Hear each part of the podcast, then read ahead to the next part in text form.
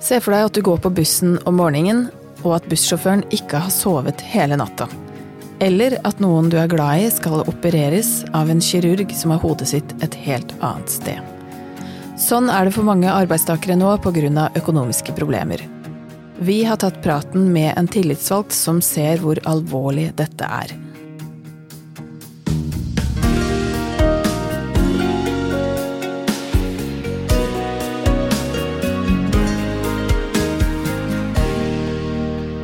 Hei og velkommen til I trange tider. I dag skal vi snakke om hvordan våre privatøkonomiske bekymringer og problemer påvirker oss også på jobb. Og derfor så har vi med oss en tillitsvalgt, Finn Arne Solberg. Velkommen. Takk for det. Kan ikke du bare presentere deg sjøl kort først, og hva du driver med? Ja, uh, som du sier så heter jeg jo Finn Arne Solberg da, og er uh, hovedtillitsvalgt for et forbund som heter Norsk Jernbaneforbund, og da i bussektor. Mm. Jeg kommer fra Østfold, jeg påstår iallfall det. Selv om jeg har bodd en del steder rundt i landet i barndommen, så har hele voksenlivet mitt vært i Østfold. Mm. har klart å få til tre barn i løpet av livet med to koner. Eh, ganske normal eh, den veien. Og har da klart å bli 62 år gammel. Så jeg går på utadgående, for å si det sånn. Hvor mange er det du representerer? I mitt forbund eh, og i Vy buss da, så er vi 1500 medlemmer aktive, sånn omtrent. Ja, Og hvordan omtrent er kjønnsfordelinga der, da? Det er jo et mannsyrke, ja. så jeg vil vel tro at kanskje 15% er damer. Resten ja. er menn. Ja. Voksne menn. Voksne menn, ja. Mm. Bra. Jeg har lest eh, og hørt eh, at du har en bakgrunn og en oppvekst som også har formet deg. Kan ikke du si litt om den? Jo, som jeg sa da, så, så var jo barndommen var jo på forskjellige steder i Norge. Far eh, og mor var jo, eller far spesielt, da, var han som var yrkesaktiv. Jobba jo som, som, sveiser, og sveiser det betyr jo at du jobber for eh, bønder. da. Så Det betyr jo at vi, vi flytta mye. Flytta ifra ja, Det er stort sett Østlandet, da, men eh, alt ifra Grenland via Hemsedal, Gol og etter hvert til Østfold. da. Mm. Eh, barndommen var vel, eh, sett fra mitt ståsted, en barndom som var prega av mye Skal vi si eh, Den ble jo aldri helt rotfast, da, så lenge en hadde så mye flytting. Så det ble jo stadig begynne på nytt. Det har nok resten av livet også pre, blitt prega av. At det liksom, en går hele tida venter på at skal det ikke skje noe, noe annet, noe nytt. noe og det, det er jo litt spesielt. Eh, familien sånn sett eh, Far, som var en dominerende figur, eh, hadde jo truffet min mor, da, som hadde to barn med seg inn i, i forholdet. Og det var jo litt spesielt den, i den tidsepoken. Det fikk jo ikke vi vite før, eh, før, faktisk eh, disse to splitta lag, når jeg var ti. Mm. Da fikk jeg vite at jeg var, var eh, halvsøsken jeg hadde som var eldre. Og det, det prega jo en del av, av, den delen av livet, da, for det, far var ikke så snill. Jeg var snill når jeg var snill, men han kunne også være ja, fysisk krevende.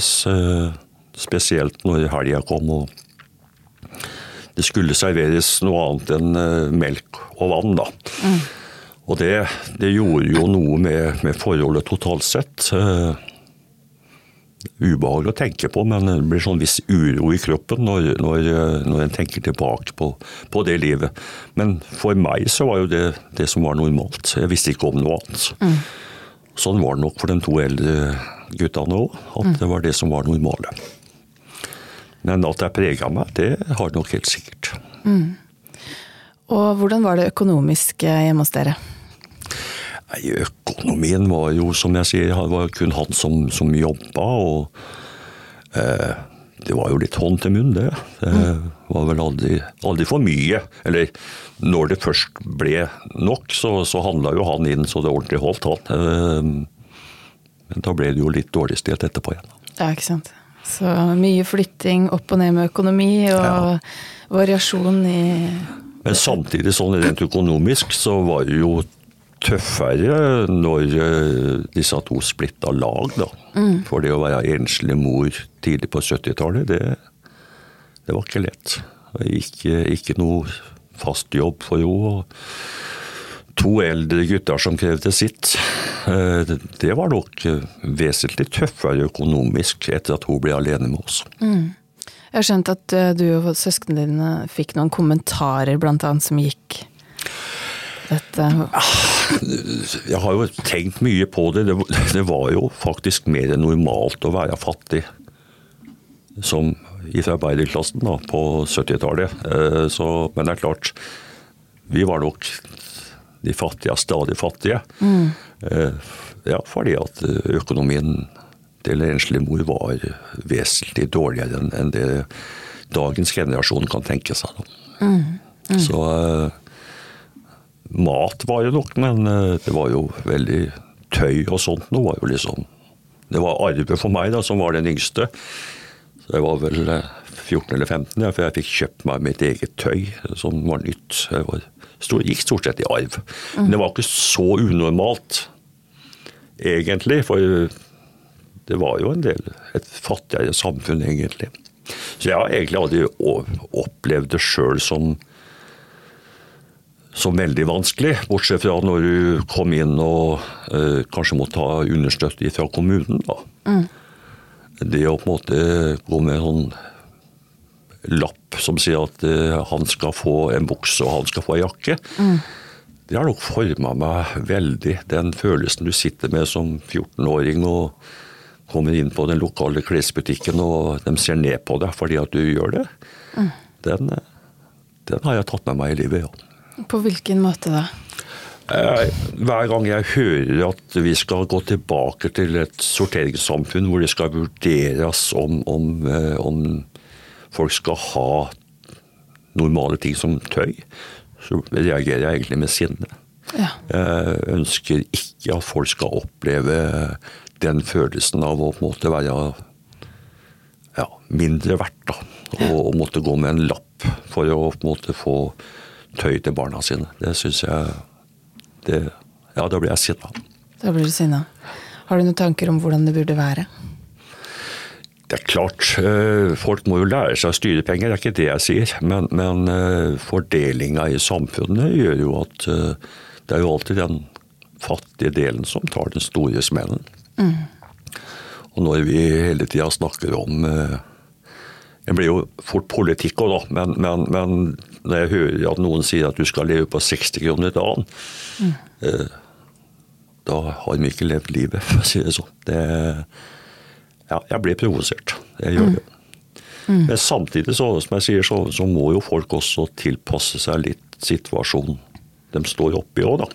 Du kan jo ikke leve som en millionær hvis du ikke har millionene. Det, det sier seg jo sjøl. Ikke sant? Så det er vel to ting vi snakker om her, og det ene er jo at folk må ha nok til at det er mulig å leve et vanlig liv. Ja. Og så har det også noe med kunnskap og vaner og forventninger å gjøre, kanskje. Og så snakket du i stad om dette med sammenligning. For du sa at det var flere som var fattige den gangen. Ja. Uh, og det viser jo en del undersøkelser at det er jo derfor vi opererer med et begrep som relativ fattigdom også. ikke sant? At det er mye verre å, å ha lite blant andre som har mye. Hvordan tenker du at det er eh, i dag? Ja, spesielt så tror jeg vel det at vi eh, Jeg hadde et innlegg på Facebook om det i løpet av helga. Jeg har tenkt mye på i løpet av helga. Eh, og det å være ikke så heldig stilt, da. Du, var, du hadde så veldig mange andre også som var i samme situasjon. Så du visste hvem som hadde det vanskelig. I dag så peker du på folk som du kanskje ikke kjenner engang. Eh, og da klarer du kanskje ikke å ha samme empati da, eh, for dem som har det vanskelig, enn når du har naboen eh, som har det like vanskelig som deg. Jeg tror faktisk jeg påstår sjøl at det var nok lettere å ha en, en oppvekst på 70-tallet som fattig gutt kontra det er i dag. For forventningene til livet er jo også vesentlig høyere i dag. Mm. Og det er kanskje ikke mulig å se at det går an å leve på så lite som det vi gjorde da. Mm. Så jeg, jeg, tror faktisk det er vesentlig vanskeligere i dag å være såkalt fattig. Mm. Det som er litt spesielt i dag, er jo også at eh, det er jo deler av spesielt Oslo, da, hvor vi befinner oss nå, som, som, er veldig delt, og hvor man kanskje har et nabolag prega av fattigdom. Men hvor man likevel blir eksponert for verden utenfor på en helt annen måte ja. enn før. Ja. Så ja. Og så blir jo stort sett eh, en Janteloven er noe som het når jeg vokste opp. Eh, og det var jo at eh, når vi bodde i et arbeiderstrøk som det jeg ofte gjorde, da, så var jo de eh, bedre stilte som nesten ble utsatt for en eller annen form for ja, nedsnakking. Mm. Fordi at det var mindre av dem og, flere av, av vanlige arbeidsfolk og, og klassen under det. da, Altså Folk som ikke hadde jobb eller hadde dårlig økonomi. Mm. Så jeg kan jo huske veldig spesielt en uh, sønn til uh, fabrikkeier, da, som uh, var litt spesiell, syns vi arbeidergutta. Men han hadde jo alltid han trengte noe litt til. ja, men, men det var jo han som ble utsatt for litt nedsnakking ja. i den gjengen jeg gikk i, da, for å si det sånn. Så jeg, jeg, mener fortsatt på at det å være eller vi var Vi hadde ikke mye, men det vi hadde, det delte vi jo, da. Ikke sant. Det var mer solidaritet på mm. den tida, ja. påstår jeg. Ja. Uh, vi, vi, har jo snakket litt nå om dette med arbeiderklasse og sånn. Jeg vet ikke om vi nesten opererer med det begrepet lenger, men kan ikke du fortelle litt om den gruppa arbeidstakere eh, som du eh, representerer? Ja. Og, og, dette forholdet med økonomi Eh, i den sammenheng, da? Ja, det er jo bussjåfører, da. Mm. Eh, og, og, i seg sjøl så eh, ja, Det er jo ikke et høytlønna yrke, det er det ikke. Så, sånn sett det er nok mange der som, som, sliter med å få ting til å gå opp. Mm. Snakker nettopp om Oslo. Oslo er et område hvor lønnsmessig har den samme lønna som du har på landet. da. Mm. Så jeg vil tro at eh, nærmere storbyene du kommer, vanskeligere er jo å leve normalt på en bussjåførlønn. Mm. Så, så, det utgangspunktet er jo eh, selvfølgelig som tillitsvalgt og forhandlingstillitsvalgt eh, ønskelig å fått heva lønna vesentlig. Men det sitter jo langt inne, og det er klart er jo dessverre ikke lenger et statusyrke heller. Vi, vi har nok store innslag av folk som egentlig kanskje ikke vil være bussjåfør, men som blir det av en eller annen årsak. Mm. Det syns jeg jo for yrkesdel er jo litt synd, da. Spesielt for dem eldre som så på det yrket som med stolthet. da. Ja. Det er nok dessverre kanskje i ferd med å forsvinne. Ja. Når vi snakker om lønn, har du merka noe forskjell på liksom presset fra de du representerer om å få lønna opp, nå som prisene har gått opp? helt klart. Helt, helt klart. klart ja. mm. nå, klart nå er det lønnsoppgjør til våren, og veldig mange begynner å på en måte snakke høyt om det. Nå må vi vesentlig opp. og det må vi jo egentlig òg, da. Eh, så kan jeg sitte og forhandle i et studio. Det skal vi gjøre når vi kommer ut på vårparten. Men det er klart den prisstigninga som har vært, eh, slår jo enda hardere på dem som ikke har for mye fra før. Mm. Så det er klart eh, bussjåføren har merka dette veldig, veldig bra. Mm. Jeg har aldri sittet ved et sånt forhandlingsbord, men som en sånn observatør gjennom media sånn, så har jeg av og til opplevd sånne lønnsforhandlinger som litt sånn Det noen ganger er litt sånn 'vi vil ha fordi de fikk'. At det handler om på en måte sammenligning. Så nå handler det kanskje rett og slett om at vi må ha lønnsøkning for å betale regningene våre. Ja. Det er jo et helt annet utgangspunkt, eh, tenker jeg. Kjenner du på det presset, liksom? Ja, ja, og det skal en kjenne på òg. En skal ikke gå inn i sånne forhandlinger og på en måte ikke føle det medlemmene føler. Da blir det helt feil. Da blir det sånn eh, forretningsmessig. og det eh, disse forhandlingene vi har i buss, er nok best med at vi får motpart, hvis vi er arbeidsgiver, til å forstå hva de ansatte egentlig har behov for. Da. Så er jo buss litt spesielt, da, for veldig mye av dette er en anbudssituasjon. For å si, det er jo fylket som til syvende og sist skal betale regninga. Det er nok vanskelig for den enkelte å forstå at hvorfor sitter det arbeidsgiver og får holde igjen på det. Burde jo vært vesentlig mer. Men da er jeg over på politikk igjen, og det, den eh, Ja, den kunne vi jo brukt resten av dagen på hvis vi hadde begynt på det. Ja. Men, men, men eh, for, for å på en måte komme til mål der, så, så må vi jo synliggjøre de faktiske forholdene. Ja. Eh, At det faktisk er sånn at folk får ikke ting til å gå i hopes med den lønna vi har, kontra de utgiftene som har økt. da. Og dette er jo kjempekomplisert. Nå er det jo masse statistikk som tyder på at mange virksomheter går veldig dårlig òg, ikke sant. Så i Ja. verste fall så blir det jo en skvis liksom tåle å stå i dårlig lønn, eller at eh, bedriften må permittere, f.eks. Så dette er jo uhyre komplisert i mange bransjer, da. Mm. Eh, Yrket som sådan er jo Det er jo ikke noe stor søkning til yrket vårt, eh, dessverre. Eh, Men det har nok sammenheng med at ryktet om at det er dårlig lønna, eh, pluss en arbeidstid som veldig mange ser som helt unormale, eh, det gjør jo at det er stor etterspørsel etter bussjåfører. Ja. ja. Så der er det muligheter også for, for det, er jo, det er jo ikke alle som har uh, høy utdannelse i dag. Det er jo et krevende arbeidsmarked òg på mange måter i, i Norge, da. Ja. Ja, så krever det faktisk mer uh, utdanning egentlig å bli bussjåfør i dag enn du gjorde for Ja. noen år tilbake. Det, det er en del kurs og skolering du må igjennom. Ja, jeg syns jo at folk i bussen fortjener høyere lønn, jeg da. Så Ja, du og jeg forhandle om det. Ja, det må være lov å si. Absolutt.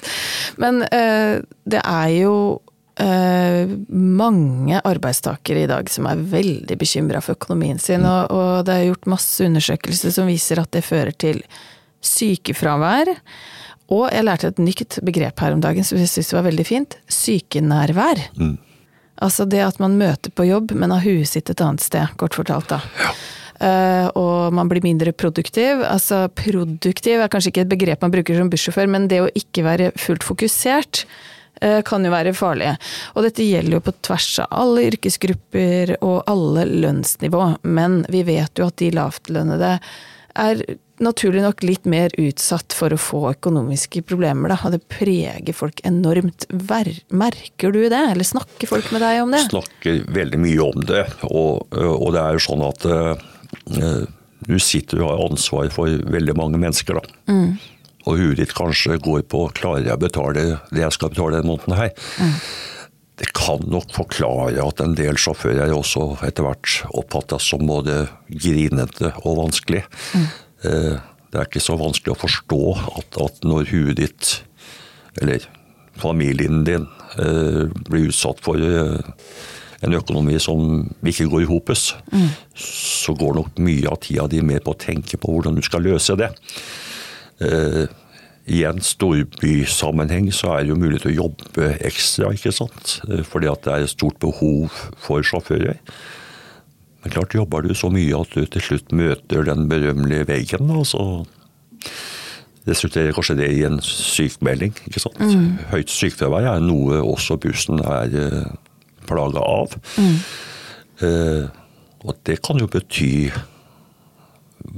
en sammensatt uh, situasjon som gir dette sykefraværet. Da. Det kan jo egentlig være det at når du jobber så mye som en del gjør, så kommer du til slutt til et punkt hvor du antageligvis ikke orker mer. Og ja. det hjelper jo ikke på økonomien det heller, hvis du er vant til å kunne jobbe ekstra. Da. Mm. Storbyfenomen sier jeg for at på landsbygda så, så, er det jo ikke den type kjøring. Mm. Uh, og der er jo heller det at de ikke har fulle stillinger, som på en måte ofte er, er en problemstilling. Mm. Så er jo aldersgruppa sammensatt. Uh, snittalderen i, i, buss er vel på 55. Det betyr jo at det er veldig mange folk har passert 62 og kan ta ut AFP. Mm. Og det er jo det den baserer seg på på utsida av storby. Mm. At folk som har en eller annen ytelse, kan klare seg med mindre antall timer, ikke sant. Ja, Men at totalen allikevel går opp i opp. Ja, jeg skjønner. Og, og, særlig da du snakka om det storbyfenomenet, så er vi jo inne på en klassisk ond sirkel. ikke sant? Man prøver å dekke opp, få hvilt mindre. Eh, vi vet at økonomiske bekymringer går utover søvnen, ikke sant. Og så kanskje du ikke klarer mer eh, til slutt, da. Og, og jeg har jo sittet og faktisk dypdykka i dette. Det fins en del undersøkelser da, eh, som viser hvor alvorlig det egentlig er, og hvor hardt det rammer arbeidslivet. Ja. At arbeidstakere i så stor grad sliter, da. Eh, men i hvilken grad tenker du at både arbeidsgiver og fagforeninger burde i gåseøyne blande seg inn i det her? Ja, og det er et veldig godt spørsmål.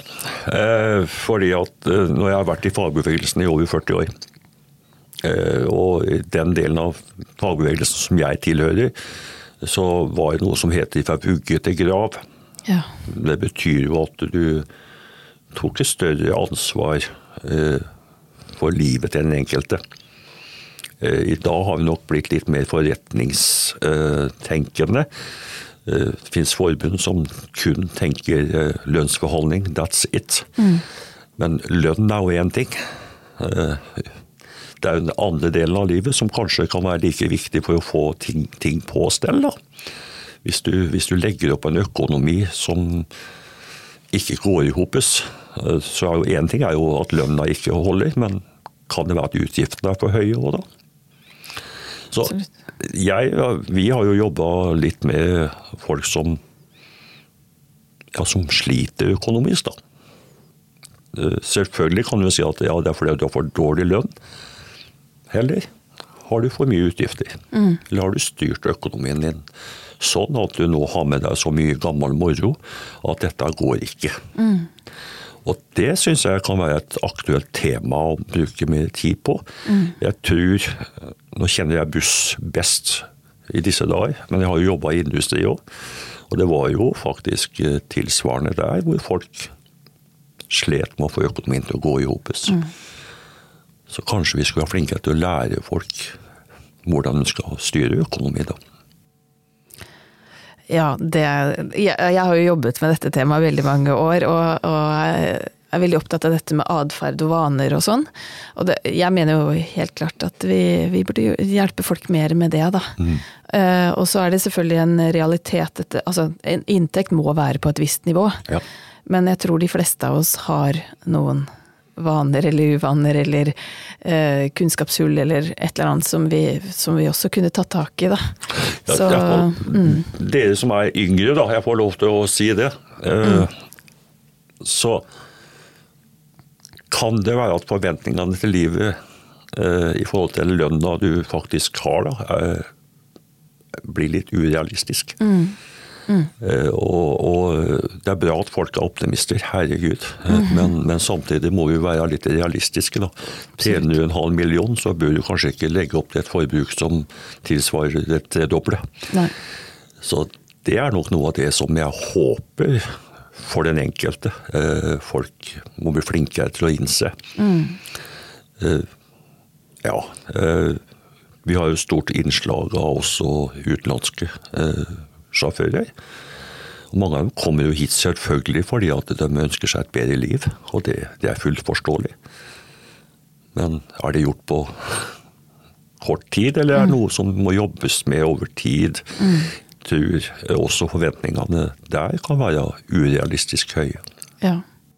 Og så om, som vi var inne på i stad, apropos sammenligning, da. Lønnen går kanskje opp, men så omgir man seg også med et annet type samfunn, da, kanskje. Ja, ja ikke sant. Eh, enn det man kom fra.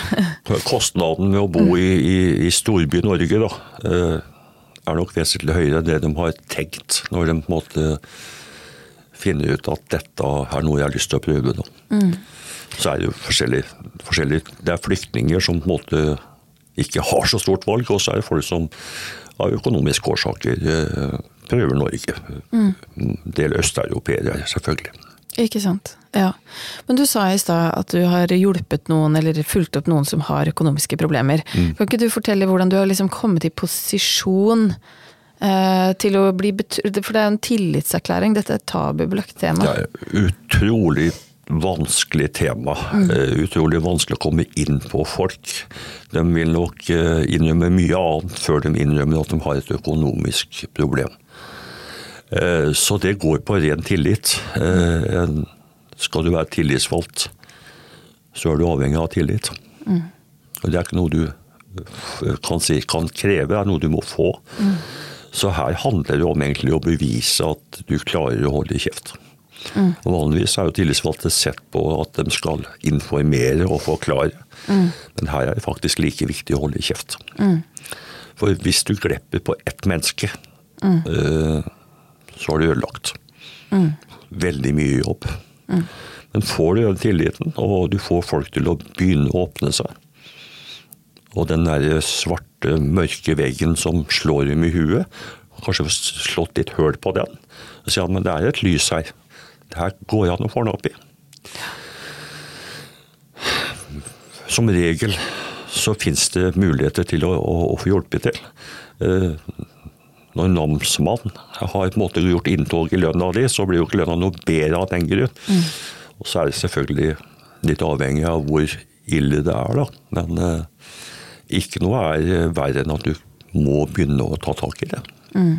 Mm. nærmer oss et punkt der. Mm.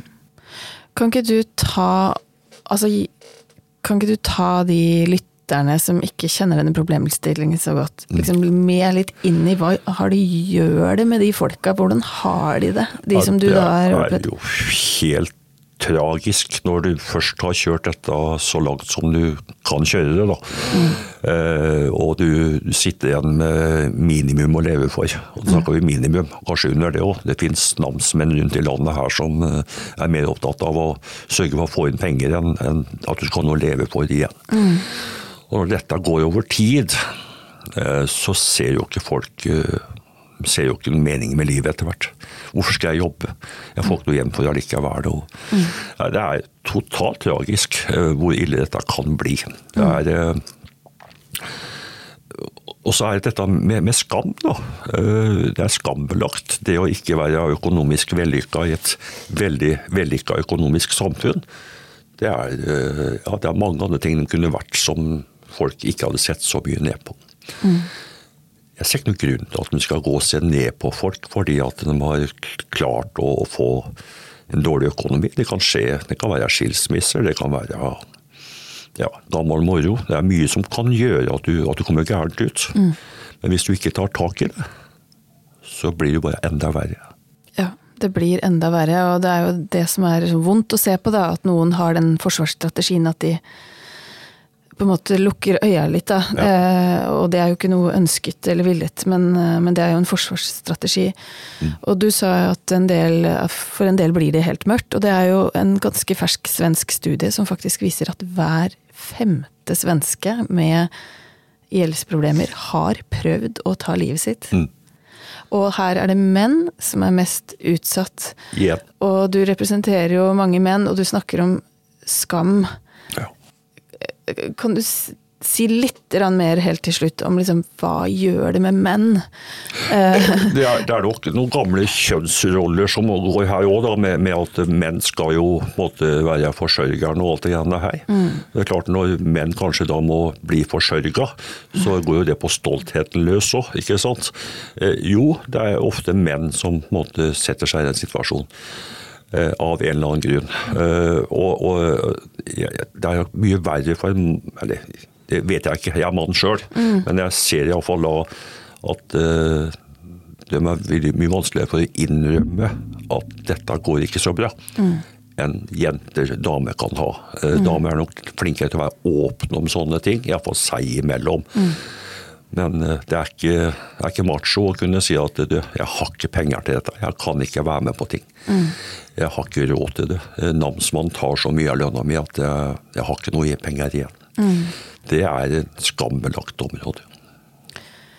Hvis det sitter noen og hører på nå, enten det er kvinner eller menn som kjenner seg igjen i noe av det vi snakker om, har du en oppfordring til dem? Ja, jeg vil jo først si at du må, du må, må ta tak i problemene dine. Eh, Det hjelper ikke når du hu- huet i sanda.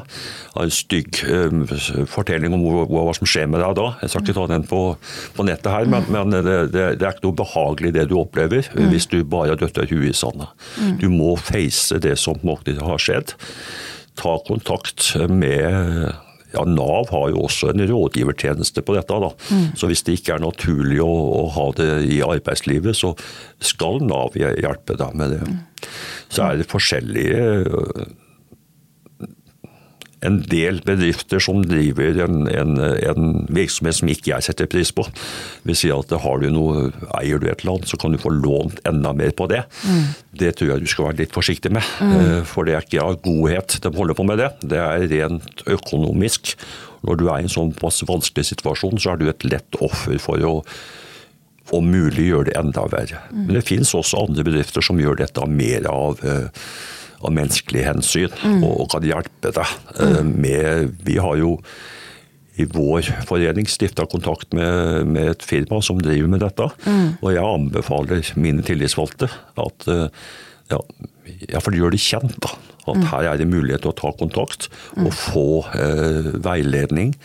Eh, Ofte kanskje også hjelp til gjeldssanering og, og sånne ting. Ja. Og det er alltid håp. Jeg har sett de mørkeste situasjoner eh, snu, jeg altså. Så det er det. Ja, og selv om det virker som uh, mye, mye penger du skylder, da. For det er jo ofte det som skjer, ikke sant? at du får det mer gjeld enn det du klarer å håndtere.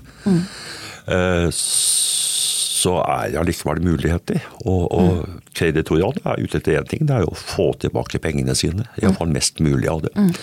Så, så her mener jeg på at for den enkeltes livskvalitet, så må du ta tak i det. Aller siste spørsmål eh, til ledere der ute. eh, Som har arbeidstakere som sliter. Har du noe, har du noe du vil si til dem? skal iallfall være oppmerksom på hva dette gjør med folk. Og, og når folk eh, sier at man har vondt i maven, så er det kanskje noe annet sted man har vondt. Eh, Det å, å tørre, Hvis du er en god leder og får eh, tillit fra den ansatte, og gå inn på temaet og si at hva, hva er det som egentlig er problemet, kan det hende du kan hjelpe noen med det òg. At Ja. de kanskje får åpna opp for å ha sagt For lederne vet jo stort sett eh, lønnstrekk. Det, det, Iallfall ledere på et visst nivå vil, vil kunne få kjennskap til det. Ja. De som har trekkelønn, da er det jo kommet for en dag, og så er det jo en stor hop her nå som nærmer seg lønnstrekk. Eh, tyder tallene på det, sånn at eh, her har vi sjansen til å hjelpe til å unngå at, alle, at det går så langt da, for så mange. Ja, eh, det, er, det er jo tragisk når du først har begynt med lønnstrekk, men allikevel så, så finnes det jo verre ting enn det òg. Du kan jo måtte gå fra hus og hjem. Ja. Eh, og, og, og, men med å få samla ting og kanskje få en oversikt, da. Begynn med å få en oversikt. Ja. Eh, det er iallfall alltid det jeg anbefaler. Hvor mye skylder du egentlig? Ja. Og så kanskje da ta vekk det du ikke har behov for å, å ha videre. Da behøver du den svære, fine bilen når du knapt nok har råd til å ta bussen din. ikke sant? Så ja, vær litt realist. Og der er det hjelp å få. Og så eh, vil jeg i tillegg anbefale folk å betro seg til noen som de er nær, uavhengig om de har økonomikunnskap eller ikke. For det er tungt å stå med det aleine. Så jeg hadde bare lyst til å skyte inn det. Ja, nei, jeg, jeg, jeg er jo tillitsvalgt, eh, og så er selvfølgelig tillitsvalgte er som, som alle andre mennesker. Det er forskjellige utgaver av dem òg. Men dem som er tillitsvalgte, sånn som jeg mener at de behøver å være, skal jo ha lært seg til det at eh, jo, fortell meg det, det stopper hos meg. Ikke sant. Og bare det å få begynt på det, få sagt det til noen at jeg sliter, Ja. da har du gått det første steget. Og da tror jeg faktisk vi i fellesskap skal finne løsning på det. Det var faktisk helt rørende sagt, det siste der, syns jeg. Eh, tusen, tusen takk eh, for at du ville komme og dele av din kloke, dine klo, de kloke syn på så mye, og din erfaring. Det setter jeg veldig stor pris på. Jeg håper at noen der ute har hørt på og tar med seg oppfor, de oppfordringene som du har kommet med.